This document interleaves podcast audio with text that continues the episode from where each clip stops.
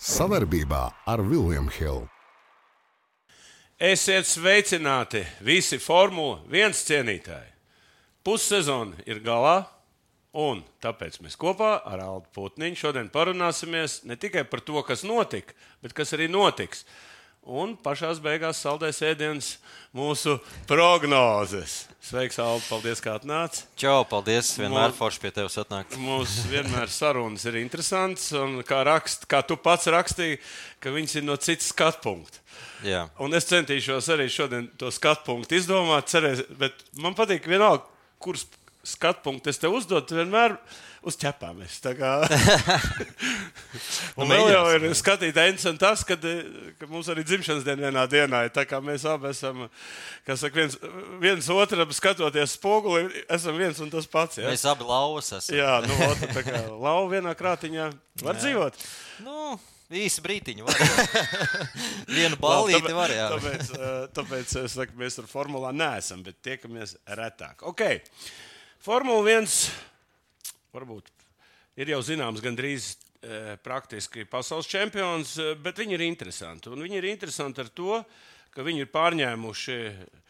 Pārņēmuši amerikāņi, kuri to formulu ir uztaisījuši nu, ļoti interesanti. Viens no faktiem, uh, Kas man uh, vajag pateikt, ka bija nesen, kad uzdeva jā, jautājumu tādu, nu, Horneram vai kam es, man liekas, ka Horneram, Kristianam Horneram no Red Bull, kurš teica tā, kādreiz mē, mēs maksājam miljonus, lai Taylors uh, uh, ieaicinātu uz, uz turieni, lai viņi pieaicinātu nu, tos auditoriju. Tagad viņi nevarētu dabūt šito brīv, brīv, nu, brīvbiļeti. Brīvbiļeti, jā, Taylor Swift. Jā. Kas tad ir tāds noticis? Kāpēc tā formula ir palikusi tik, tik, tik pievilcīga? Jā, nu, tie, tu pareizi teici, amerikāņi. Viņi zina, kā, kā uzskačāt sporta veidu. Viņiem tas piemērs jau ir daudzos amerikāņu, daudzos amerikāņu sērijās jau iziets. Viņi tur tās visas kļūdas ir izmācījušies. Uh, sapratuši, kas ir jādara un kas nav jādara. Un, principā, viņi paņēmuši kopiju paste ir frančīze no lielajiem amerikāņu sporta veidiem.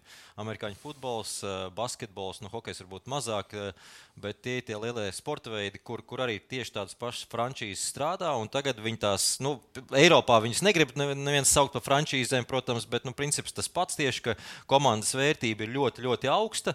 Pat ja tur nāk jaunais īpašnieks iekšā, tad uh, tā nav jauna komanda. Tas tiek būvēts uz iepriekšējās komandas bāzes. Un šobrīd tā komanda vērtība, mēs liekas, ar tevi runājām iepriekšējā reizē, tagad pat konkrētāk, tad, tad mēs tā minējām, ka varētu būt varbūt tuvu miljardam. Nu, šobrīd mēs varam to teikt ļoti droši un precīzi. Viens, miljardi, uh, mazo komandu vērtība ir kā minimums miljards šobrīd, jo tāpat Alpīna nu, patās, cik mēnesis pusotrs atpakaļ pārdeva uh, piekto daļu no savas, savas vērtības par 200 miljoniem. Nu, piektā daļa tas, tas, tas ir miljards kopumā. Mēs rēķinām 200, 200 miljonu. Tā kā, jā, nu, ja kāda komanda šobrīd grib nopirkt, ienākt un nopirkt absolūti no nulles, tad tas ir miljards. Bet jārēķinās ir tas, ka uh, Tu, agrāk, ja tu nopirktu jaunu komandu, iespējams, tev nevajadzētu ne tūlīt tik lielu naudu, bet tu turpinātu gāzt iekšā to naudu tajā Formula 1 komandā un turpināt tērēt. Ja tu būtu miljardieris, tad ļoti ātri kļūtu par miljonāru. Eh, bet savukārt šobrīd,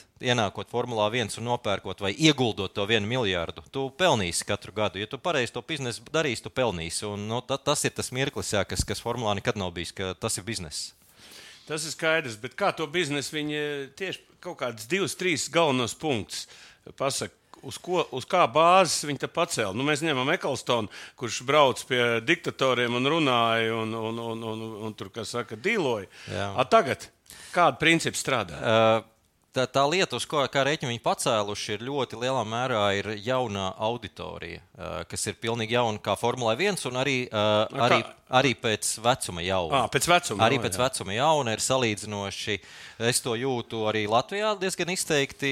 Ir skolnieki, kas ir sākuši to fanot, un manuprāt, tas ir labākais variants, kas var notikt. Ja tu bērnībā sāc par kaut ko nopietni fanot, tas nozīmē, ka tas iesēžās, tas iesēžās dziļāk nekā, ja to tu būtu darījis vecumā vai, vai, vai, vai pusmūžā. Un, uh, pat ja tu aiziesi teiksim, kaut kādos briedumu gados tālāk no tās formulas, tas tev saglabāsies kā tāda nedaudz romantika, un tu esi ļoti ātri eh, teiksim, tā, atdabūnams atpakaļ klients. Un kā viņi panākuši jaunu auditoriju, nu, to jau mēs to, to formulu, mēs jau te esam runājuši iepriekš. Tā ir pirmkārt, tā ir, protams, Drive to Survive, Netflix viss skatās, bet otrkārt viņi ļoti precīzi un mērķēti strādājuši sociālos tīklos uz jaunu auditoriju un izā, izmācījuši visas komandas, kā tas ir jādara, lai tos fanus sev piesaistītu. Un vēl kas ir interesanti ar to jaunu auditoriju, es tie, man tieši bija saruna ar, ar jauniešiem, kas, kas sākuši ir nu pat fanot par Formuli 1, un es viņiem prasu, nu, nu jūs tā fanojat par Formuli 1, bet jūs redzat, ka nu, neviens īsti nešaubās par to, kurš būs uzvarējis šajā sacīkstē. Tas būs Maks Verstapens, vai tiešām jums nav garlaicīgi skatīties to sacīkstu. Un viņi teica tā, ka uh, man tas ir pastarp, vai, vai man tas nav tik svarīgi tajā brīdī, kamēr es turpinu fanot par savu uh, elku. Man patīk Lando Norris, man patīk Oskars Piastri, man patīk Daniels Rikārdo, vienalga. Es sekoju viņam. Un es skatos, tāpēc Formula 1. Kas, kas uzvar to brīdi, tas ir otrajā plānā. Tā lielā intriga. Viņam ir katram savs varonis. Tieši tā, un tas ir tas, kas tev emocionāli sasaista ar to sporta veidu. Un nav tik svarīgi, vai tā sacīksts bija fantastiski aizraujoša nu, no tāda vienkārša skatītāja viedokļa. Vai tā nebija tik ļoti aizraujoša, bet es varēju sekot līdz savam fanam. Es varu skatīties viņa onboardu, tikai visu sacīksti ar, ar komentāru. Es varu skatīties līdz kā viņam veids eh, katra aplī ar live timing. Līdz ar to tās iespējas šobrīd, ko piedāvā Formula 1 Eh, arī no vizuālā viedokļa un no informācijas viedokļa pat tiešraides laikā ir ļoti, ļoti liels. Ok, pāriesim jau pie tiem varoņiem. Lēnām, jo rezultātus mēs zinām. Mums šī pārraide nav par, par punktiem, rezultātiem. To mēs pašā beigās runāsim. Mēs runāsim par to, par reitingu. Jā, ir tāds reizes, man liekas, ir. Uh, ir izveidojis reitingu, ja, pilotu reitingu. Un, uh, tas galīgi nav, neat, tas galīgi ne, nav tāds kā punktu robeža, bet, bet tas ir liekas, ļoti svarīgi. Un arī mums izglītot mūsu skatītājus, ka, ja, kad nevienmēr teiksim, tev punkti ir vairāk, ka tu esi labākais pilots. Vienkārši tur ir labākā mašīna un tā tālāk. Nu, ot, un sāksim man diezgan, nu, Verstapens tomēr vajadzētu par viņu arī parunāt vairāk. Uh, Es gribētu teikt, tas, ka to, ko viņš šobrīd demonstrē, man liekas, tas arī ir Šumahera sens, cienīgs un prosts vispār. Ja? Kā tev liekas? Viennozīmīgi, es domāju, mēs nedaudz grēkojam kopumā ar to, ka tajā brīdī, kad pilots ir tādā, nu, var teikt, savas, savas snieguma uh, zenītā, un redzēsim, cik ilgi tas zenīts noturēsies Verstapenam, tad mēs nedaudz eh, varbūt, aizmirstam un sākam, sākam viņu paļāt pārāk daudz. Tā tas bija arī Šumahera laikā, tā tas bija ļoti izteikti Hamiltona laikā. Uh, bet te ir jāņem vērā viena lieta, ka arī Verstapens ir ļoti izteikti gājis uz šo mirkli pietiekami ilgi, un viņ, viņam arī sākotnēji bija daudz problēmas un daudz kļūdas. Atcerieties, kāds viņš bija jaunībā. Ļoti eh, varēja redzēt, ka ir ātrs, bet eh, nu, ātri norāvās arī no ķēdes. Un eh, šobrīd viņš ir ilgu laiku braucis tos pirmos gadus savā karjerā aiz Hamiltona, un daudz sarūktinājumu viņam ir bijis šī visa procesa laikā. Tā pašā laikā viņš ir nenormāli daudz mācījies, un Hamiltons pats nejūtot, pats negribot, ir uzaudzinājis azotē odzi pa lielam, jo viņš, viņš ar savu pārsvaru faktiski šobrīd panāca to, ka uh, Maks Verstapens ir nepārspējams. Viņam bija uh, iedzimts talants, tagad tam pielikt klāt ir pieredze, tagad tam pielikt klāt ir ļoti liela nosvērtība un pašpārliecinātība par sevi. Nu, un ja mēs tam visam pieliekam klāt labāko mašīnu, kā, kā tu domā, kas tur var sanākt? Viss skaidrs. Un tur ir viss skaidrs, bet tajā, tajā ziņā es, es gribu vēlreiz teikt, ka uh, nevajag to noniecināt, vajag izbaudīt šo momentu. Šī uh, sezona ir unikāla. Es nesaku, ka šī sezona ir episka vai leģendāra, tā, lai tas būtu. Tur jābūt cīņai par titulu. Cīņa par titulu nav, bet šī sezona pilnīgi noteikti ir unikāla, kad ir satikušies vienā komandā, vienā mirklī, vienā laikā. Labākais inženieris vai labākā inženieru komanda, komanda ir nobriedusi arī kā, pati kā sev, kā operē komanda. Viņai kļūdu nav šobrīd. Uh, labākais pilots savā, savā zenītā, kā jau teicu, lieliskākā mašīna ar pārsvaru pār visiem, un šobrīd viņi dominē nu, tas ir sports. Sportā vienmēr kāds dominē. Tu ļoti labi zini, basketbolā arī dominē. Futbolā tieši tāpat uh, Arsenāls Invincibles savulaik bija. Nevienu spēli nezaudēja Premjerlīgā sezonā. Tā kā nu, ir tā dominanta, mums tas ir jāizbauda. Protams, mēs gribam to lielo intrigu, bet nu, jāpagaida. Man pirmo reizi vēsturē ir, ka, ka Verstapens es, es fanoju par viņu. Pret Šumacheru un Hamiltonu es biju galīgi pret. Man nepatīk. Nu, tad es varbūt mazāk sapratu to ideoloģiju, bet nu, kaut kā man. Liekas, viņš ir cilvēciskāks. Un to arī Alonso intervijā pateica, ka, kāpēc viņam patīk Verstapens. Viņš ir parasts čels. Man liekas, ka Šumahers bija kaut kur jau, nu, kā, nu viņš bija pirmais. Nu, tā, viņš tur izkonkurēja Senu un Prostu, un viņš aizgāja tur tas sarkanā mašīna un sarkanais barons, kāds cik viņam nedēļa. Nu, Hamiltonam vienkārši paveicās, iekāpjot Šumacheru vietā tajā formulā. Ja? Un, un, nu, te es tev nepiekrītu. Bet... Nē, nē, nu labi, bet. Uh, nu, ja Rosbergs būtu seškārtējis, nu, pēc būtības. Kāpēc? Ne? Nu, ja mēs tā rēķinām. Nu, Teorētiski, ne, nu tā jau mēs, protams, varam uh, vilkt. Teiksim, pēc kā Rosbergs bija tāds pats pilots. Kā, kā, kā. Es domāju, nē, es domāju, nebija tomēr. Bet viņš tāpat ar to mašīnu būtu sešreiz vinnējis. Nu, mēs to nevaram zināt, protams. Bet, bet nu, kā tev? Nu, varam pafantāzēt. Uh, par Rosbergu tas tā interesanti lieta. Es nu pat rakstīju sporta avīzē un tieši šo lietu arī analizēju šajā sakarā, ka Rosbergs tiešām salika to savu vairāk gan nevis fizisko, bet emocionālo un psiholoģisko jaudu kulakā vienā sezonā un iedeva pa zobiem uh, Hamiltonam. Bet viņš nebija spējīgs ne pirms tam, ne vairāk pēc tam to izdarīt. Viņš faktiski uzreiz saprata, ka viņš ir izpumpējies. Un vēlreiz es saku, nevis fiziski izpumpējies, bet psiholoģiski. Mēs tikai tagad uzzinām, ka viņš gāja aktīvi pie psihologa visas sezonas garumā tajā ah, laikā. Viņam bija psihologs līdz pat uz posmiem. Pēc, pēc intervijām, jo īpaši ceturtdienas intervijas bija vissmagākās, kur viņam tiešā tekstā žurnālisti visu laiku prasa kaut ko. Un, ir, un kā viņš pats teica, tu pēc tam aizbrauc mājās, kur ir mājās Keka Rosbergs, vecais viņa tēvs un čempions. Un tu aizbrauc pēc zaudētas sacīkstu, un viņi vēl ar saviem čomiem teica, saviem čomiem pasmējās par tevīm. Eh, ka tu esi zaudējis. Viņam, viņš vēl dabūja iekšā arī mājās. Kā, viņam ļoti smagi gāja tajā sezonā. Nu, tēvs, Atceries, kur ir tēvs? Tieši tā. ambīcijām pasaules čempions. Tieši tā. Un, uh, līdz ar to tas viņam bija ārkārtīgi smagi. Viņš nebūtu gatavs otrreiz. Un otra lieta, uh, viņš, nu, ja mēs tā panelizējam to sezonu, kur viņš vinnēja, viņam tomēr nāca arī bišķiņa tā veiksme. Palīga. Protams, bez veiksmes nevar. Es nesaku, ka tas bija veiksmīgi. Nu, tā, tā es nesaku absolūti, bet tur, nu, tur gāja uz nažiem un Hamiltonam bija viena izstāšanās vairāk. Līdz ar to Hamiltons no tām, kā tu teici, sešām reizēm, ja es teiktu, ka viņi startēt joprojām, nu, viņi arī startēja kopā. Hamiltons uzvarēja tās pārējās reizes, un Rosbergs bija gatavs vienu reizi to izspiest no sevis. Nu, labi, ja nebūtu Hamiltons komandā. Ja nebūtu Būt Hamil... Botas, piemēram. Nu, jā, nu būtu Botas, mēs arī varam. Es domāju, ka tajā brīdī arī Mercedes pārsvars nebūtu tik liels, jo Rosbergam, kas pacēla Rosberga līmeni? Hamiltons, Hamiltons pats. Jā. Tieši tā. Ja viņam aizmugurē ir Valtteri Botas, mēs to uzskatām, mēs ar daudziem pilotiem tur tā ir cilvēcīga lieta. Nu, ja tev komandā ir džeks, kas ir švakāks par tevi visu laiku, nu, tu arī kaut kādā brīdī nu, iedzersi to aliņu vakarā, nu, es pārspīlētu, protams, saku, bet nu, tu vairs ne, ne, nepievērsīsi tik lielu uzmanību. Ja tev džeks katrā treniņā, katrā sacīkstē tevi sasit lupatās, nu, tad tu skaidrs, ka tu strādā, tu strādā aktīvi, tu meklē, kur tev vēl desmit daļu, te desmit daļu, tur kaut kur meklē, kur atrast. Ja tev ir botas un kurš zaudē tev, nu, kāpēc tev tas vajadzīgs? Tu tāpat esi viņam priekšā. Jā, nu, Verstapena fenomens šobrīd, kā tu teici, zenītā. Cik tituls? Uh, viņš vēl varētu izcīnīt. Nu, šogad ir trešais. Būs, ja? Jā, nu, būs trešais. Nu, nu, vēl, vēl, vēl četri.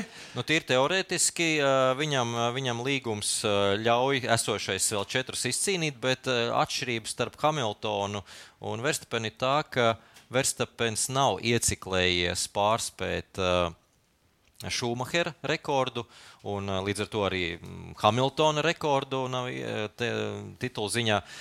Verstapena gadījumā viņam tas pats galvenais bija pierādīt, ka viņš spēj izcīnīt čempionu titulu, un to viņš arī pateica pēc pirmā. Es esmu savu galveno uzdevumu Formula 1 izdarījis. Tālāk viss ir tikai bonus. Tālāk būs vēl viens tituls, būs, nebūs. Tas, tas vairs man nav tik svarīgi. Un otra lieta, ko tu teici, viņš ir parasts čalis. Tur es pilnīgi varu piekrist, ka viņam galvenais ir braukt. Viņam galvenais ir braukt. Viņš beigs Formule 1 karjeru, iespējams, ātrāk nekā Fetels. Apmēram. Es domāju, viņš krietni ātrāk par Fetelu beigs karjeru tādā ziņā, ka viņš nespiedīs vēl kaut kādās mazās komandās ārā un uh, vēl, vēl kaut kādus pēdējos gadus, kā Fetels brauca Aston Martinā. Uh, nu, nav, nav Maksam Verstapenam tas nepieciešams. Viņš pilnīgi noteikti ies pēc tam kaut ko citu izmēģināt. Nu, GT3, ko viņš komandu uh, izveidojis? NASCAR, NASCAR. Nē, viņš ir izveidojis GT3 jā, komandu. viņš ir izveidojis komandu, bet tas, tas vairāk ir viņam uh, dombi, dombiedru, jā, dombiedru un draugu projekts, uh, kur, protams, arī viņš varētu braukt, bet, bet es domāju, ne, jau ka... braukt, es domāju, tur teiksim, tā, nu, kaut kādas palīdzēt visā šajā projektā. Jā, nu, pieredzes, no, tieši tā, tieši tā, arī atdot atpakaļ kaut ko no tā visa, bet uh, viņš noteikti tēvu kaut kur vēl varētu uzbraukt kopā izturības sacīkstēs. Jo braukšana. Tā kā Alonso Ta- apmēram, Tas braukšanas process tieši jā. tā, tieši tā. Jo Formulā viņš, viņš būs visu sasniedzis uh, šajā ziņā. Un, un tā otra lieta, kas, kas uh, mēs visi brīnamies par to, ka nu, kā, viņš tur uzvar un, un vēl nav apmierināts arī radiosarunās te, te ar savu sacīkšu inženieru plēšās un tur, tur laiž ritīgi rupjiem vārdiem. Tad otra lieta, kas ir, ja, ja, kā viņš teica, ja es reiz sēžu tajā formulā un ja es reiz braucu, tad es gribu, lai viss ir ideāli. Es no sevis prasu to ideālo trajektorijas, sniegumu, visu atdevi, bet es arī no komandas prasu to pašu. Un, ja jūs sākat tur ar, ar, ar taukainiem pirkstiņiem kaut ko man laist šķērsām, tad, tad skaidrs, ka es jums braukšu augumā. Bet tā ir visiem pilotiem. Jā, bet au, augsta prasa. līmeņa tieši tā. Un, un, un, Un ko komanda ir priecīga par Jā, to. un ko viņš darīja? Ja, ja, nu, okay. e, bet pagrie, mēs gribam par to pagriezienu. Pagrieziena punkts notika Abu Dabī pēc būtības. Tas viens apels. Tas bija pagrieziena punkts. A, iedomājieties, kā viņa karjera būtu aizgājusi, ja viņš būtu zaudējis toreiz. Viņam vajadzēja zaudēt pēc būtības, pēc visiem noteikumiem. Pēc būtības viņam tas kaut kāds pagrieziena punkts bija, un tagad viņi vienkārši neapstāda. Bet, ap citu, dzīvē tas ir bieži. Viso, da- daudz sportistu dzīvē ir kaut kāds krit, tāds kritiens, un tad tu izlien ārā, un tad tu vienkārši neesi apturams. Ļoti bieži jāiekrīt tajā aizā, un pēc tam, jā- jo viņš tur bija aizā jau, pēc būtības. Uh, jā, es domāju, ka Formula 1 uh, šis, kā, kā tu saki, arī psiholoģiskais moments vai, vai vilnis, uz kā tu sērfo, tas pacēlums ir ļoti, ļoti svarīgs. Un šogad tas ir uzskatāms piemērs Sergio Peresam, jo viņam tas moments bija sezonas sākumā, kur viņš gan pats ticēja, jo viņš sezonas sākumā saprata, ka mums ir ātrākā mašīna absolūti un ka mums nav citu konkurentu. Tātad vienīgais mans konkurents ir Čalis blakus boxā. Tāds švaks čalīts. Jā. Nu, jā, un tajā brīdī viņš sajūta to iespēju. Tu sāc savā prātā, teiksim, to, to sākt likt kopā un saproti, ka tā iespējams ir vienīgā iespēja tev cīnīties par čempionu titulu. Tavā karjerā vispār pat sapņojis viņš līdz par to nebija. Līdz ar to tu sāc būvēt to spiedienu sev prātā lēnām. Sākumā tev viss sanāk, un tu esi uz tā viņa, tu notici pats sev. Un atliek pirmai kļūdai būt, un tā kļūda bija Miami viņa gadījumā. Un viss tas tavs kāršu namiņš momentā sabrūk. Tu sāc šaubīties, tu redz, ka tas čels ir tajā treniņā ātrāks par tevi, viņš var braukt ar tām riepām ātrāk par tevi, viņš ir slapjā laikā ātrāks par tevi. Viss tu zaudē to pārliecību, tu netici vairs sev. Un ko teica Kristians Horners pēc tam? Viņš teica, nu, Peres ir beidzot pamodies no sava sapņa. Nu, es teiktu, ka viņš pamodos, no- Bet pamodos no sava smags jaunā- uzbrauciens. Nu, jā, nu, tas, tas, bet nu, tā ir realitāte. Tā ir realitāte, Tā ir jā, bet realitāte. kādreiz jau nekomentēja pilotu. nu, parasti priekšnieki, ne, viņam arī droši vien bija Horneram līdz kaklam, bija tā Pēres izgājiena. Veči, katrs atsevišķi, mēs esam viens pirksts. Visi kopā esam dūri. Pamēģini atklāt. Labi, jau teicu, bet bumbā dos. Kopā par skaistu spēli Viljams Hilde LV. Nu, labi, mēs par Pēresu vēl gribējām, bija vēlāk. Jā, Es ietu pēc reitinga, kāda reitinga ir sastāvdaļa. Un, vai- un, i- nu, mēs pārējām pie otrā numura, un tas bija pārsteigums Fernando Alonso. Šobrīd tur ir eh, ļoti interesanti. Tur ir ielikt gan eh, nu, visi tehniskie dati, izējot no tā, un viņš ir pēc reitinga ielikts otrā vietā. Tad jautājums ir, kas ir tas, kāpēc viņš tur ir? Ta- Es tev uzdošu to jautājumu. Kā, kā viņš šajā lielajā barā var, var dabūt otro reitingu vietu šobrīd? Jā, es ā, ļoti gaidu, kad būs grāmata ļoti sīka un smalka par Fernando Alonso, jo viņa karjera Nu, teiktu, ka unikāla. ir tiešām unikāla. Ā, Cik reizes viņš ir bijis nepareizajā vietā, nepareizajā laikā, un mēs sakām, viņš ir tikai divkārtējs pasaules čempions, nu tad tur viņam ā, pāris apļos, es pat neteiktu pāris sacīkstēs, pāris apļos Pietik, lai būtu vēl. iznākums nedaudz būtu savādāks, viņš būtu kā Mēs, mums jāsaprot, cik viņš ir tuvu milzīgiem panākumiem bijis. Un, nu, tas, ka viņš ir ārkārtīgi vispusīgs pilots un viens no tiem pilotiem, kuriem, kuram nav starp citu. Arī izteikts pilotēšanas stils, jo mēs vienmēr runājam, tur Danielam ir jārdo tāds Viņš pilotēšanas stils. salīdzināja ir prostu, tāds. principā, bija šī. Tā Jā. kā profesors. Nu, principā viņš brauc kā profesors, rēķina visu laiku. Nu, Sen bija un varbūt tur Hamiltonā tie visi diezgan nu, tā mauc, tā diezgan. Nu, Ar sirdi. Ar sirdi, jā, uz priekšu. Bet šitie aprēķinātāji. Jā. Nav tā? Uh, nu, viņš pilnīgi noteikti tas mūsdienās. uh, Šajā laikmetā, kad ir stratēģija un riepas, tu bez prātošanas un reiķināšanas nevar iztikt. Tur tā lieta, ka Fernando Alonso gadījumā viņam ir tā smadzeņu kapacitāte tik liela, ka viņš uh, prāto, rēķina, stratēģiju, uh, brauc, trajektorijas, visu pārējo viņš izdara. Viņam tik daudz vēl rezerve paliek. Un viņš jau redz, ko Strunke dara Jā, viņš- ekrānos. viņš Un vēl izrēķina- pakomentē, kas viņam jādara. Kā to var Tieši tā, Kā tā var braukt? Tu skaties, televizoru. Tev pašam kaut kā jāskatās, kas tur viņš ir klausies, kas tur no. Tas Jā. bija vienkārši fantastiski. Jo viņš izreikina, principā tā, tā lielākā vērtība arī viņam, ko pilnīgi noteikti Alpīna zaudēja, palaižot viņu prom, ā, ir tas, ka ā, viņš milzīgu informāciju sniedz komandai. Jo daudz pilotu to nespēja, un es tev varētu pateikt, vienu pilotu, kur, par ko es biju augstās domās, un kurš tomēr to nevar izdarīt. Tas ir Šarls Leclerc. Sacīks laikā viņam tā atdeve komandai nav tik liela kā tam pašam, starp citu, Karlsam Sainsam. Sains ļoti līdzīgi. Tā, mēs jau runāsim par. Ferrari. Mēs pāriesim to. Viņa, ne, man vat, ļoti labi piegāja pie Alpīniem. Ļoti daudz, starp citu, viņam bija arī. Viņa intervija bija, kur viņš to Alpīnu pateica, ka viņš viņu simtprocentīgi nav novērtējuši Alpīnā. Tas ir viens. Jā, ko Jā. tu gribi? Nu, to viņš pats pateica. Es nedomāju, ne tu. Un otrs ir, nu, kad, viņi, nu, kad par to līgumu tu runāji, tu saki, ka vis, viņš bija visu līguma punktu iedevis. Viņu vienkārši vilka. Un, a, bet uh, uh, publikā pateica, ka, nu, ķipa, ka, ka, ka vi- viņa pusē bija bumba. Tā kā redzi, baigi interesanti, tomēr tas Alpīns ir diezgan slikti izrīkojies. Uh, Alpīna. Alpīna, tur ir tāda lieta, ka Alpīna uh, jau šobrīd atlaistais Lorāns Rossi, uh, kas bija atbildīgais par visu šo projektu kopumā un atbildīgs arī par līgumu slēgšanu, nevis Otmārs Safnauvers. Viņš tur bija bandinieks tajā spēlē. Viņš varēja atnest to līgumu parakstīšanai, bet Lorāns Rossi. Uh, Kā mēs šobrīd zinām, un tas pats Alans Prosto ir dokumentējis, kurš arī ap citu Alpīnu pirms tam strādāja un tika izmests no turienes, un to izdarīja Lorāns Rossi. Tad uh, Rossi, nu, tā Zināšanas par Formuli 1 ir niecīgas, bija niecīgas un ir niecīgas, uh, bet uh, pārliecība, ka viņš ir ļoti gudrs, ir milzīga. Un, nu, tu saproti, ka tāda kombinācija, jā, nu, tāda kombinācija nenoved un nenovedīs ne pie kā laba nekad. Un tā noved pie tā, ka tika zaudēts ne tikai Alonso, kas ir milzīgs būtu iegūms jebkurā komandai, jo Tieši īpaši mašīnas Alpine. attīstībā. Jā, tieši tā, un komandas attīstībā arī. Ne mašīnas tikai, bet arī Nu, komandas. visas komandas, jā. un uh, Oskars Piastri, ko mēs, kā mēs redzam, ir pilnīgi noteikti. Nu, tas ir ieguldījums. Viņi attīstīja visā junior programmā, un viņi vienkārši palaida prom īstākajā brīdī. Maklāri novērtēja viņu. Savukārt viņi no savas puses nebija sakārtojuši eh, dokumentāciju un līgumus, kas ir, nu, man liekas, vienkārši ir absurds. Un, jā, un nenovērtēja Alonso. Es pilnīgi piekrītu. Viņi piedāvāja viņam tikai vienu gadu līgumu. Alonso nebija ar mieru to vienu gadu līgumu un uh, bija pārliecināti par to, ka tirgu, pilotu tirgu nebūs nekas, tāpēc viņi vilka to uh, laiku, uh, ka nebūs nekāda piedāvājuma, tāda nopietna. Kur jā, un Alonso viņš nebūs, piekritīs. nebūs citu variantu. Jā. A, tajā brīdī notika tas, ka uh, Sebastians Fetels pateica, ka paldies, es eju prom. Un pēkšņi parādījās brīva vieta Aston Martin. Un tur viss saslēdzās momentā, un Alpīna palika ar garu Un, degunu. un Aston Martin vadītājs vienkārši ekstāzē. Jā, Viss pilnīgi noteikti. sadarbības. Tā kā, jā, Varbūt pakomentēja, Astu, viņi, nu, teiksim, kas bija tas, eh, eh, kas, eh, uz ko pacēlās gan Aston Martin, gan pats Alonso.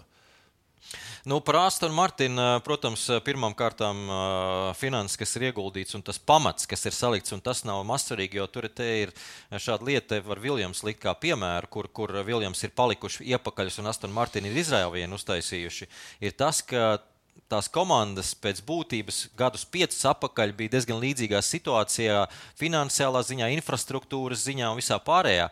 Bet uh, Lorenz Strauss, uh, ienākot komandā, zināja, kā formula vai nojauta, kā formula izskatīsies pēc pieciem gadiem, kā biznesa modelis strādās. Viņš daudz runāja ar īpašniekiem, ā, Formula 1 īpašniekiem, uz ko tas viss iet. Viņš zināja, ka tos ieguldījumus vajag tagad, tūlīt un vakar patiesībā. Jo pēc pieciem gadiem būs par vēlu. Un tieši tagad tajā situācijā ir Viljams. Viņš šobrīd vairs nevar, jo ir budžeta griezti un viņi nevar attīstīt uh, kaut kādas kapitāla ieguldījumus. Savukārt Aston Martin paspēja to izdarīt. Viņi paspēja, viņi uzbūvēja to visu un līdz ar to iedomājos, ka tagad viņiem ir pats, pats moderns, viņi pēdējā brīdī to izdarīja. Viņiem ir modernāk kā Ferrari, viņiem ir modernāk kā Mercedes, viņiem viss, viss ir modernāk, jo viss ir jaunāks. Tas tehnoloģijas iet uz priekšu ārkārtīgi strauji un ātri. Tas pats darba galds, kas pirms tam uh, bija fūras izmērā, šobrīd ir kafijas galdiņa izmērā. Un nākamgad viņš būs vēl mazāks. Un ātrāk darīs un precīzāk visu darīs. Un jo tu vēlāk to darīs, un šobrīd, jā, tajā ziņā Aston Martin ir priekšā visiem, jo vispārējie nevarēs uzlabot vairs savus darba galdus, savu infrastruktūru, savu programmatūru tik ļoti, jo ir ierobežoti budžetā. Jā, man interesē vairāk eh, par, par to Aston Martin ātrumu. Jā, nu labi, eh, viņiem tā kā sākums bija fantastisks, jā, eh, gandrīz vai brauc līdzās eh, Verstapen, Verstapenam, tad tālāk. Un tā kaut kāds kritums bija. Bet man patīk, ka Alonso intervijā pateica, vecīši, ko es te uztraucos. Jāstrādā, un viss, un jāiet uz priekšu, un, un skatīsimies, un viņš tur ir laimīgs, un, un vadība ir laimīga, un es saprotu, Strols. eh, Vecākais, gan jaunākais, kurš kur, nu, ir tā strola starpības ar Alonso, bet, bet, tā, bet tā nav ņirgāšanās. Es atceros, viņš kādreiz pa saviem, ņirgājās par saviem oponentiem, nu, kas braukāja Jā. tur speciāli. Tiešām nozīmē, ir gājās. Jā, bet šobrīd viņam ir tāda pilnīgi cita, cita uzstāja. Ne, Viņš- nu, jā, tas ir tāpēc, ka Strauss vecākais ir īpašnieks. Nu, jā, tas ir teiciens, neko rokā, kura tevi baroja. Ta- Tas jau loģiski diezgan.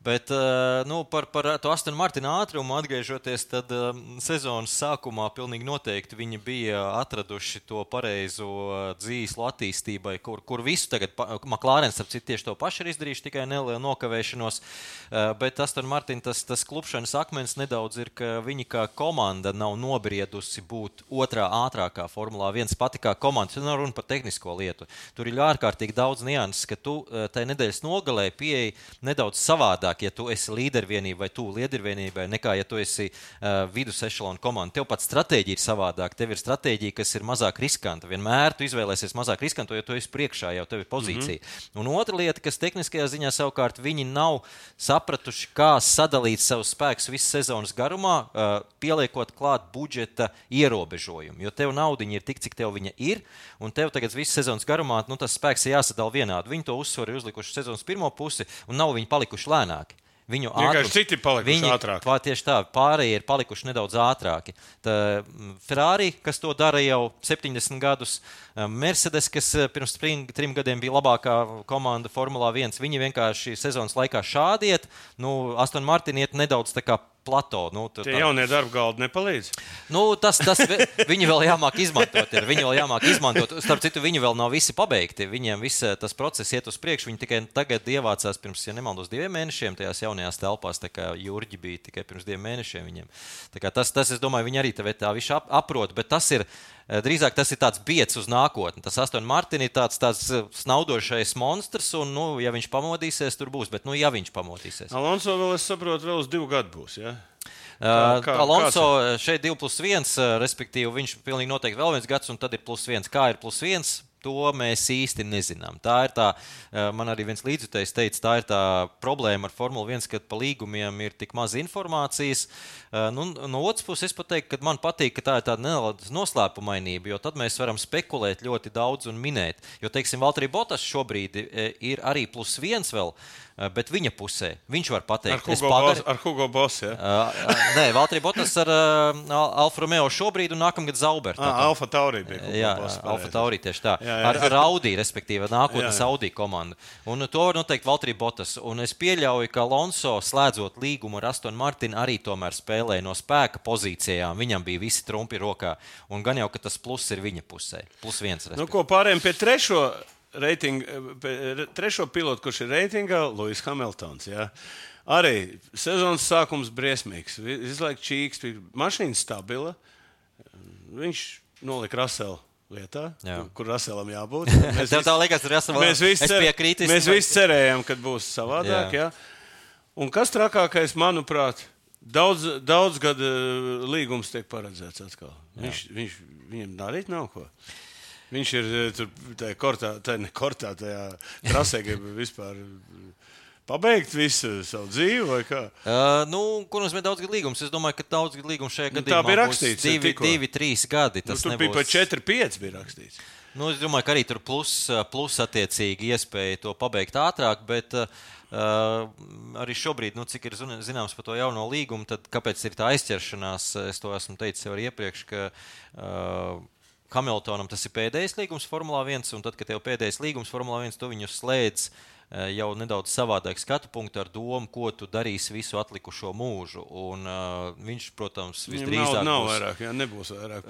Mercedes, viņš visdrīzāk būs Mercedes sūtnis nu, Nu jā, kā- pasaulē. Mm -hmm. Līdz ar to tajā līgumā pēdējā jāatrunā ļoti daudz lietas. Ir, ko tu darīsi, kā darīsi, cik tev par to maksās. un Tāpēc es pieļauju, ka tā ir liela aizķeršanās. tas Nē, nu parunāsim par to mašīnu. Nu, man, vis, man lielākais kaivs ir klausīties Wolfu, skatīties, kā viņš reaģē. Ko, kas tur pole position vinnēs. Es domāju, ka viņš bija laimīgāks nekā viņš čempionu titulu izcīnīja. Ja? Nu, kas tur īsti notiek tajā Mercedesā un kā tu redz, vai viņu spēs noķert Red Bull? Nu, es domāju, ka uz nākamo gadu, ja viņi nespēs note, noķert vismaz krietni tuvāk būt Red Bull nākamajā sezonā, tad viņiem tur ļoti paškritiski jāsāk izvērtēt, vai tā komanda ir, nav zaudējusi kaut kur to savu pavadienu. Jo jau šogad jau šis ir nepiedodami, godīgi sakot, pēc tās tā līmeņa, kur viņa bija ar tiem cilvēkiem, ar visu pieredzi, ar visu tehnoloģiju, kas viņiem ir. Šis gads iepriekšējo vēl var teorētiski Nu, saprast. kļūdījās? Uh, viņi, viņi bija, godīgi sakot, tā ir tāda cilvēciska pašpārliecinātība. Tīri. Čempionu titulu. Jo kur ir tā problēma? Tā problēma ir tāda, ka viņi teorijā, viņiem mašīna bija ātrāka par visiem gaismas gadu, pat par Red Bull krietni ātrāku mašīnu, bet tas bija teorijā, tas bija aizmirskā tunelī, tas bija simulācijās. Tai mašīnai bija milzīgs potenciāls, un viņi negribēja laist vaļā to potenciālu. Bet tā problēma bija tāda, ka reālajā dzīvē to visu nevar panākt. Uh, Uh, jo vienkārši tā mašīna tik šausmīgi sāk purināt, uh, tevi sāk purināt tas tā saucamais bouncing vai, vai, vai porpoising, kā, kā angliski tas sauc, jeb delfinēšana, ka viņi kratās un lēkā, ka pilotiem vienkārši ir muguras tiek sabeigtas un, un uh, teorētiski viņi nevar tikt klāt pie tā piespēdēja spēka. Bet papīra, uz papīra tas viss izskatījās, vai datorekrānā tas viss izskatījās tik ļoti skaisti, ka viņi līdz pēdējām, un pat vēl pēc tam turējās. Un patiesībā, zini, kas viņus sabojāja pagājušā no. gadā, bija posms, kur viņi uzvarēja uh, Brazīlijā, kur viņiem ļoti labi aizgāja, un viņi noticēja, ka mēs esam tikuši galā ar tām problēmām, un mēs tiksim klāt tam potenciālam, kas tur slēpjas. Viņi tajā brīdī viņi nolēma, nē, mēs neiesim Red Bull virzienā, mēs turpināsim spiest sulu ārā no šitā citrona. Un, nu, mēs redzam, ka To mēs redzam, kas Tā notiek. ir tā, un š, tagad pavasarī, vēl pirms sezonas, Toto Lovs atzina, viņš noticēja saviem inženieriem, un kā viņš pats teica, viņi izskatās bija pārāk lepni, lai atzītu to savu kļūdu. Un, mēs aizgājām, tā, tā bija tas cilvēciskais lepnums. Viņi notic tam savam pārākumam. Sodīja viņu. Sodīja par pašpārliecinātību. Jā, tieši tā. Un šobrīd viņi ir jau, nu, tā kā es domāju, ka kļuvuši. Un šobrīd viņi saņēma otro triecienu, starp citu, uh, McLaren komanda, kas izmanto to pašu motoru, ko viņi parādīja. Garu degunu pēdējos posmos arī Mercedes komandai uzbūvēja labāku šasi, braucot to pašu motoru, kurš, starp citu, ir pielāgots Mercedes formulai, nevis McLaren formulai. Un, tu- tas bija vēl viens pierādījums uh, Toto Wolfam un uh, Mercedes, ka nu, tas Red Bull virziens ir īstais un tajā jāiet un jāmet tas kauns pie malas. Kristians Hornēs par šito rītīgi paņirgāsies. Vai, Es kā viņš ir pārliecināts. Bet viņš, nu, labi, pāriesim tālāk pie um, ceturtā reitinga, kas ir pārsteigums. Lando Norris.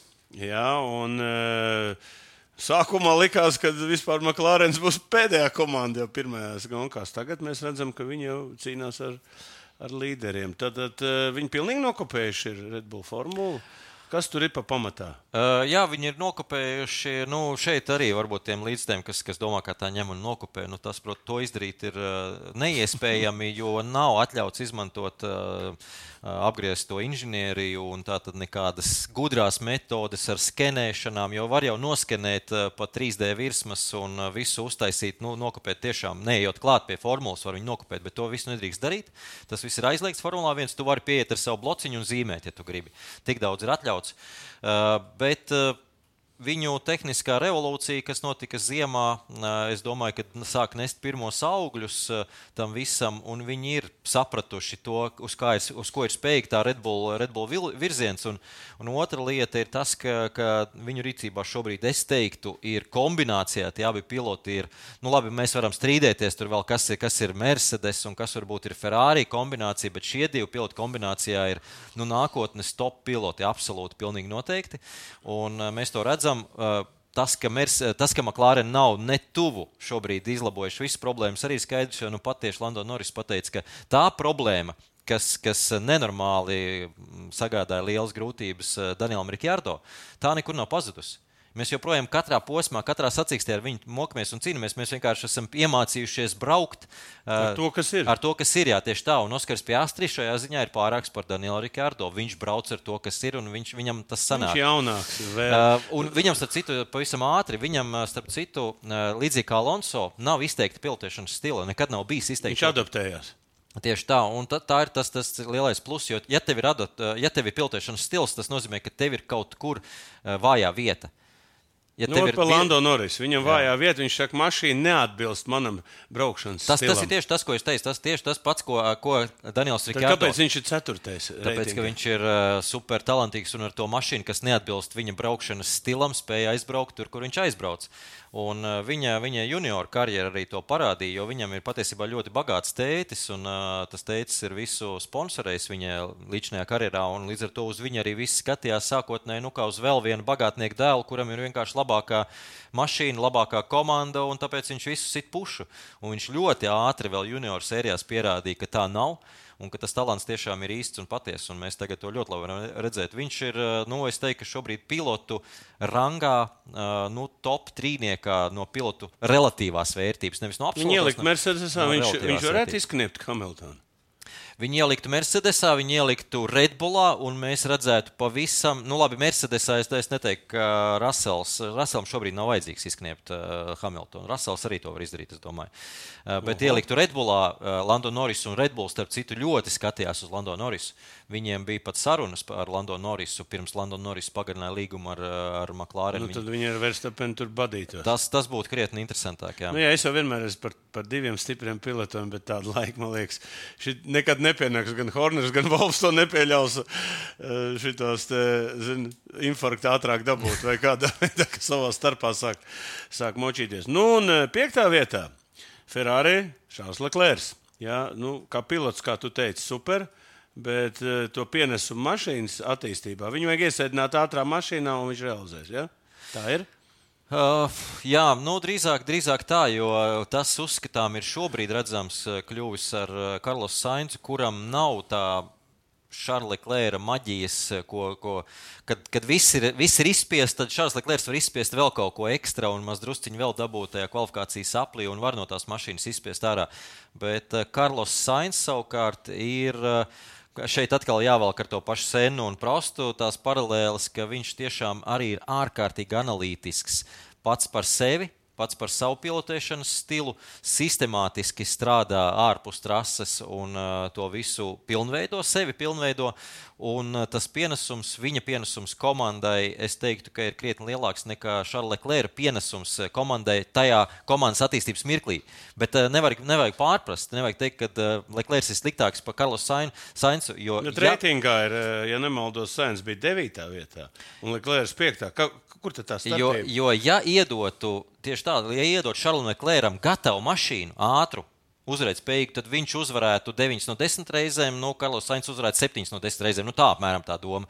Bet Karlos Sainz būtu ļoti ideāli noderīgs tagad tādai komandai, kā piemēram Audi, kur viņam arī ir sarunas ar šo komandu, kas ir uh, veidošanas. Tēvs arī iesaistīts. Jā, nu tēvs, tēvs, tēvs Audi Dakārā startē, viņam tur viss čomi pazīstami. Nu, tur tur, tur viss vieglāk viss tas Jā, pilnīgi noteikti. Un uh, tāda komanda, kas ir veidošanas procesā, kas ir jāpaceļ no vidus ešalona augšā, nu, tur Sainz būtu teikt, ka ir absolūti neaizstājams. Viņam ir milzīga pieredze, vienkārši cik komandās viņš ir startējis, gājis cauri. Viņš visu ir redzējis Formulā 1.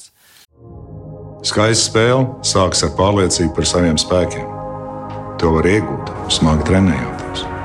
Bet noturēt to var tikai ticēt. Vecīt, es tev piekrītu, bet pabeigties malā.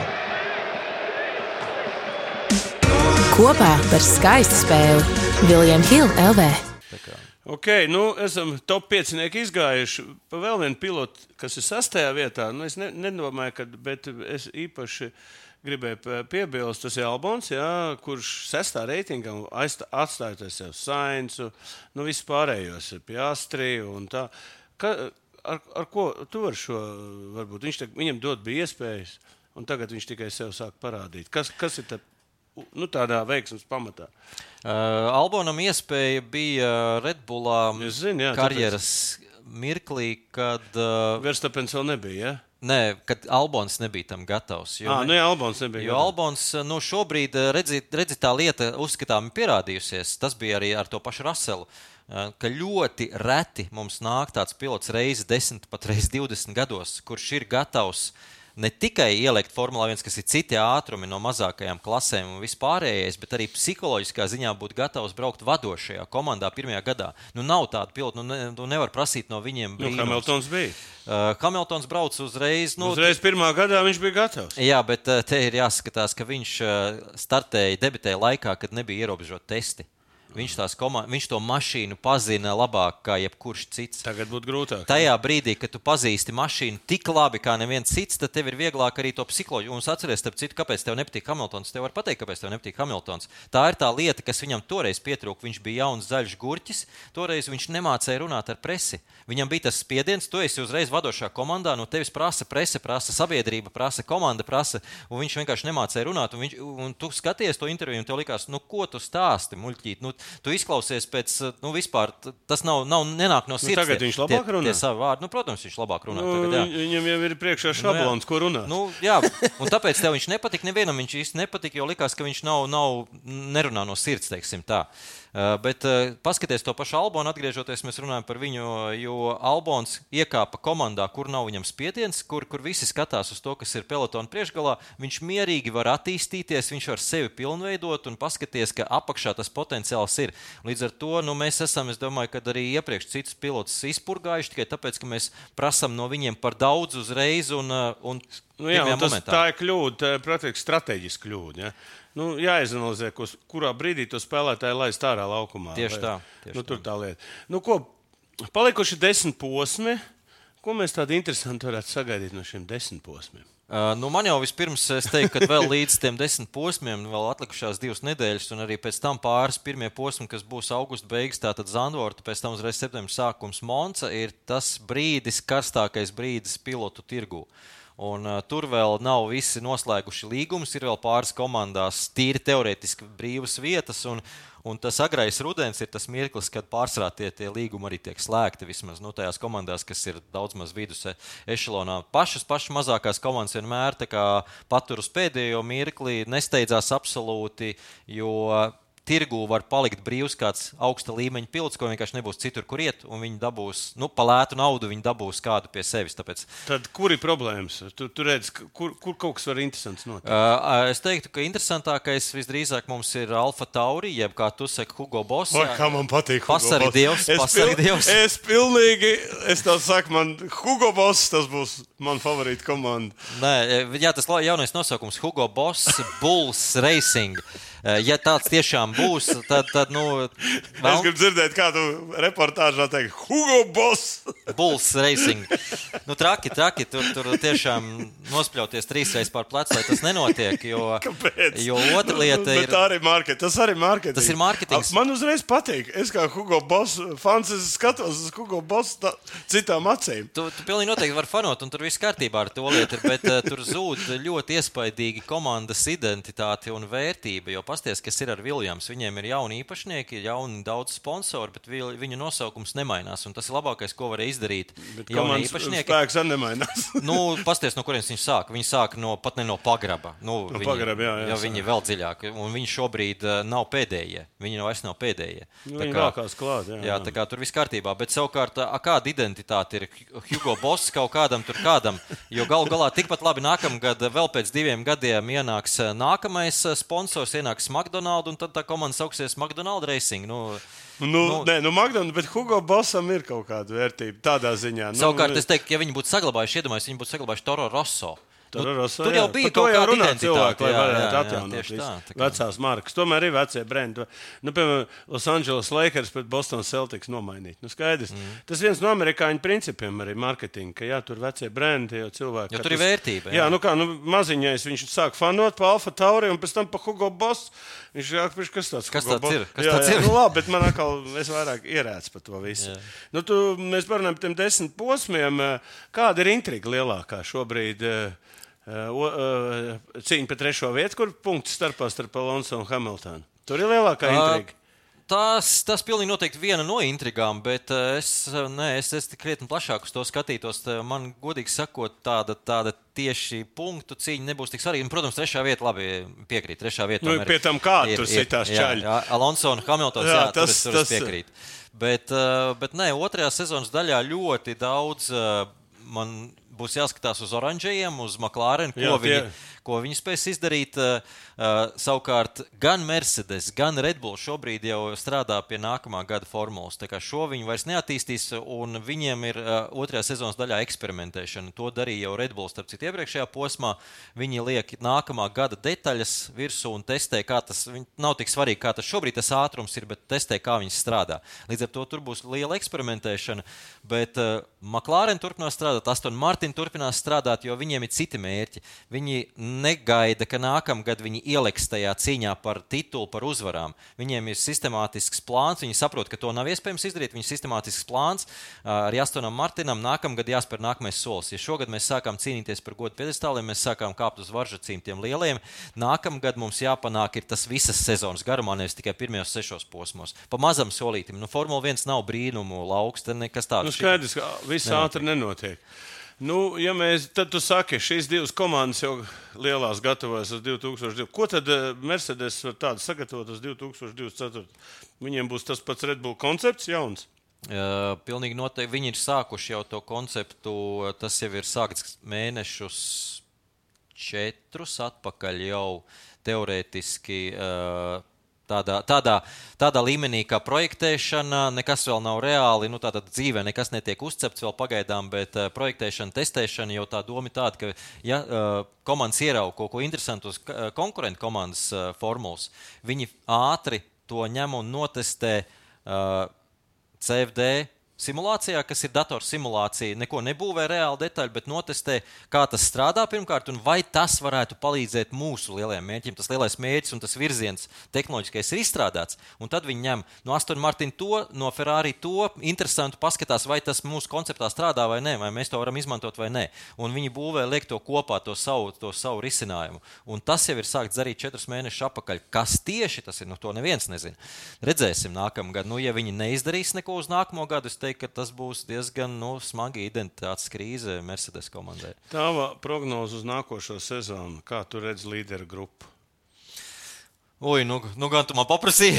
nu, nu, mēs jau pafantazēt ar gribam. Cilvēkiem jau patīk arī pafantazēt. uh, Red Bull ātrums, pat ne ātrums, ātrums nepazudīs. Tas pats par sevi mēs- jaunā, jaunais kalendārs arī, jā, mēs redzam. Jā, nākamā gada kalendārs. Uh, Nu, Red Bull no līderu pozīcijām nekur nepazudīs.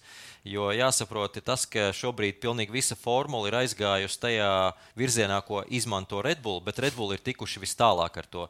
Viņi saprot, kā tas strādā vislabāk, viņi eh, niansēs jau vislabāk ir iedziļinājušies, viņi jau uz kaut kādiem grābekļiem ir uzkāpuši, un uz tiem vairs neuzkāps, kamēr viss pārējās komandas šo procesu tikai sāk darīt. Nu, skaidrs, ka viņi ir pussolīti, solīti aiz viņiem, un te ir tas pārmetums, tai Mercedes, ja viņi būtu darījuši to pagājušā gadā jau, viņi būtu krietni, krietni tuvāk Red Bullam un priekšā visiem pārējiem. Tā, tā ir tā lieta. Bet eh, nu, es domāju, ka te nav, nav nekas eh, gudrs jāizdomā. Verstapens čempions. Nākamgad. Nākamgad eh, es, es, negribu, Nu, nu, nu. es negribu likt milzīgu naudu uz to, bet, bet jā, visdrīzāk, jā. Ja, jūs kā bookmakeri, es, te, es pilnīgi noteikti teiktu, ja jūs uz 24. gadu likt, tad viņam būtu vislabākais Nu, tā Nu, viszemākais es- koeficients, vai kā tu saki. jā. Nu, mm, 24 posmi.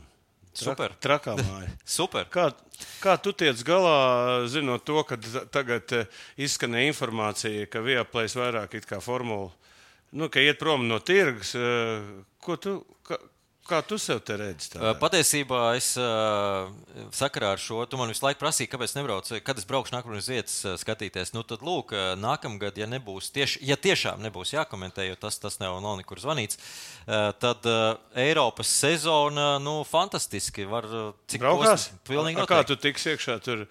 Tajā Taylor. Swift vietā Nē, akreditācija, akreditācija žurnālists, man, man, man akreditācija nekur nav kopā palikusi. tur ar Stalonu pazīmēties vai vēl. Akreditācija nekur nav pazudusi, viņa ir derīga joprojām, tā kā tur nav problēma. Tu tiec iekšā. tur arī pie, pie kur, kur viņi pie tām formulām staigā? Es pie formulām tieku iekšā, tur runā droši vien par starta laukumu. Start laukumā. Jā, starta laukumā ir nu, šobrīd. Special, uh, Žurnālistiem ir atļauja tie, kas ir televīzijas žurnālisti, kas filmē ā, pirms uz starta laukuma, un pēc tam sākas pēc prioritātēm, un pilnīgi noteikti Latvija nav prioritātēs, ā, jo tās prioritātes arī kļuva vēl mazākas, jo tajā brīdī, kad starta laukumā var iet, ieiet noteikti skaits cilvēku. Eh, 5000 vai, nu, nu, protams, mazāk. Vien- Konkrēti, 5000 konkrē, 5000 gribētāji tur ir. Bet var uziet konkrēti skaits cilvēku. Un jaunie īpašnieki izdalīja ļoti lielu procentu no tiem cilvēkiem priekš VIP. Agrāk uh, tur bija ļoti mazs procents VIP, kas tika pareizi, bija tāda konkurence ar VIP tagad. Jā, žurnālisti un komandu pārstāvi bija. Tagad ir VIP, tāpēc tu saki, jā, par Stallone, par, par Taylor Swiftu mēs redzam viņus, jo tas, tas kas cilvēks tagad konkurēs, piesaista. kurš tiks un kurš netiks. Jā, tur. Jā, bet, bet mēs eh, savukārt, žurnālisti jau tiek klāt uh, boxos, visu nedēļas nogalu boxos dzīvojam, boxu celiņā dzīvojam. Tās formulas ir atskatītas, un tas starta laukums, nu, tas ir skatītājiem tas spilgtākais moments varbūt. Tur, tur pat nav, nav tik svarīgi būt. Nu, ko, saldais ēdiens klāt. Mēs eh, pirms sezonas uh, abi baigi gudri spriedām un likām savas prioritātes. Tu zini jau rezultātu? Nezinu. Ne, Man jau nezinu. pašam interesanti. A, kā tu jūti? Es esmu aizmirsis, ko es esmu salicis, un, bet es zinu, ka jāpārskaita, jo pagājušajā gadā vienmēr kaut kur man nošmauca. Pareizs princips. Nu, ko skatāmies un komentējam. Oi, oi, oi, oi, traki. Klausies, nu, pirmo reizi es, liekas, būšu te uzvarējis. Ja? Traki, kur te es zaudēju visvairāk uz Hāzes? Nu, es uz Verstapenu viņai, jā, skaidrs. Ah, nu jā, Verstapens, jā. jā. Nu, jā. Alonso man arī, o, man jau tur baigā brigāde. Jā, tev. Ne, pie tā, ka tev ir Verstapens, tad jau es pat teiktu, ka tīri normāli vēl man ir. Jā, nu, un tagad būs otrādi, ja un uz pilotu. Nu,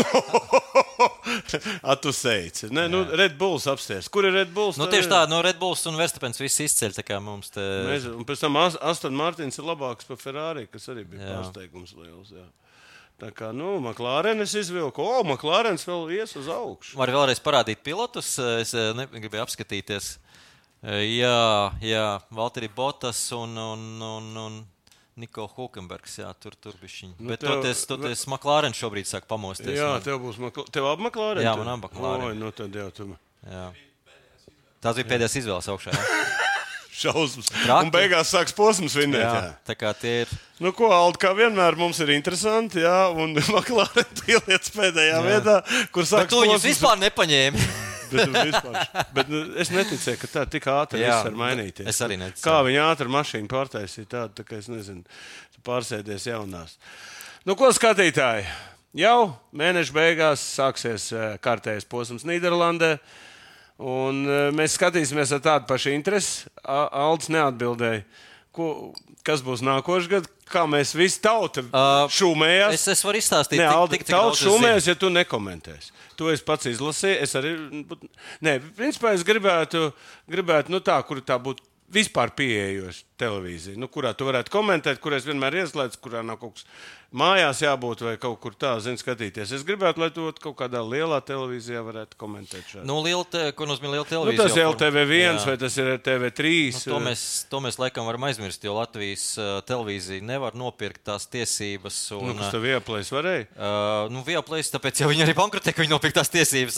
Nē, nu, protams, nē, viss ir kārtībā. Patiesībā arī Viaplay gadījumā jau nav, nav, vēl, nav izgājuši ārā. tā kā vēl visur mainīties. Neviens neko un, nezina. Nē, nē, kā, tas ir bijis paziņojums uz jūtām. Tas paziņojums bija, ne, jā, tas, cik, cik arī mums tika pateikts, paziņojums ir nedaudz varbūt, sasteigts un varbūt ne, ne, ne, neadekvāts. Ieraudzīja pirmos tos skaidrs un apdomāts. Jo mums sākās Premjerlīga, starp citu, eh, Vieplējā šobrīd, un viss notiek. Un es arī vakar skatījos spēles, un arī formulu mēs Chelsea, skatāmies līdz sezonas beigām. Jā. jā, tieši tā, un eh, tā kā, pagaidām nu, no, viss notiek. Baigi interesanti. Tā, tā, izstis, Bet jā, nu, ja nebūs, tad eh, nevarēja aizmirst, ka vienmēr ir F1 viens TV, tie, kas grib, gribēs skatīties, nu tāpat jāmaksā, vai nu tur vai tur maksā. Un, un...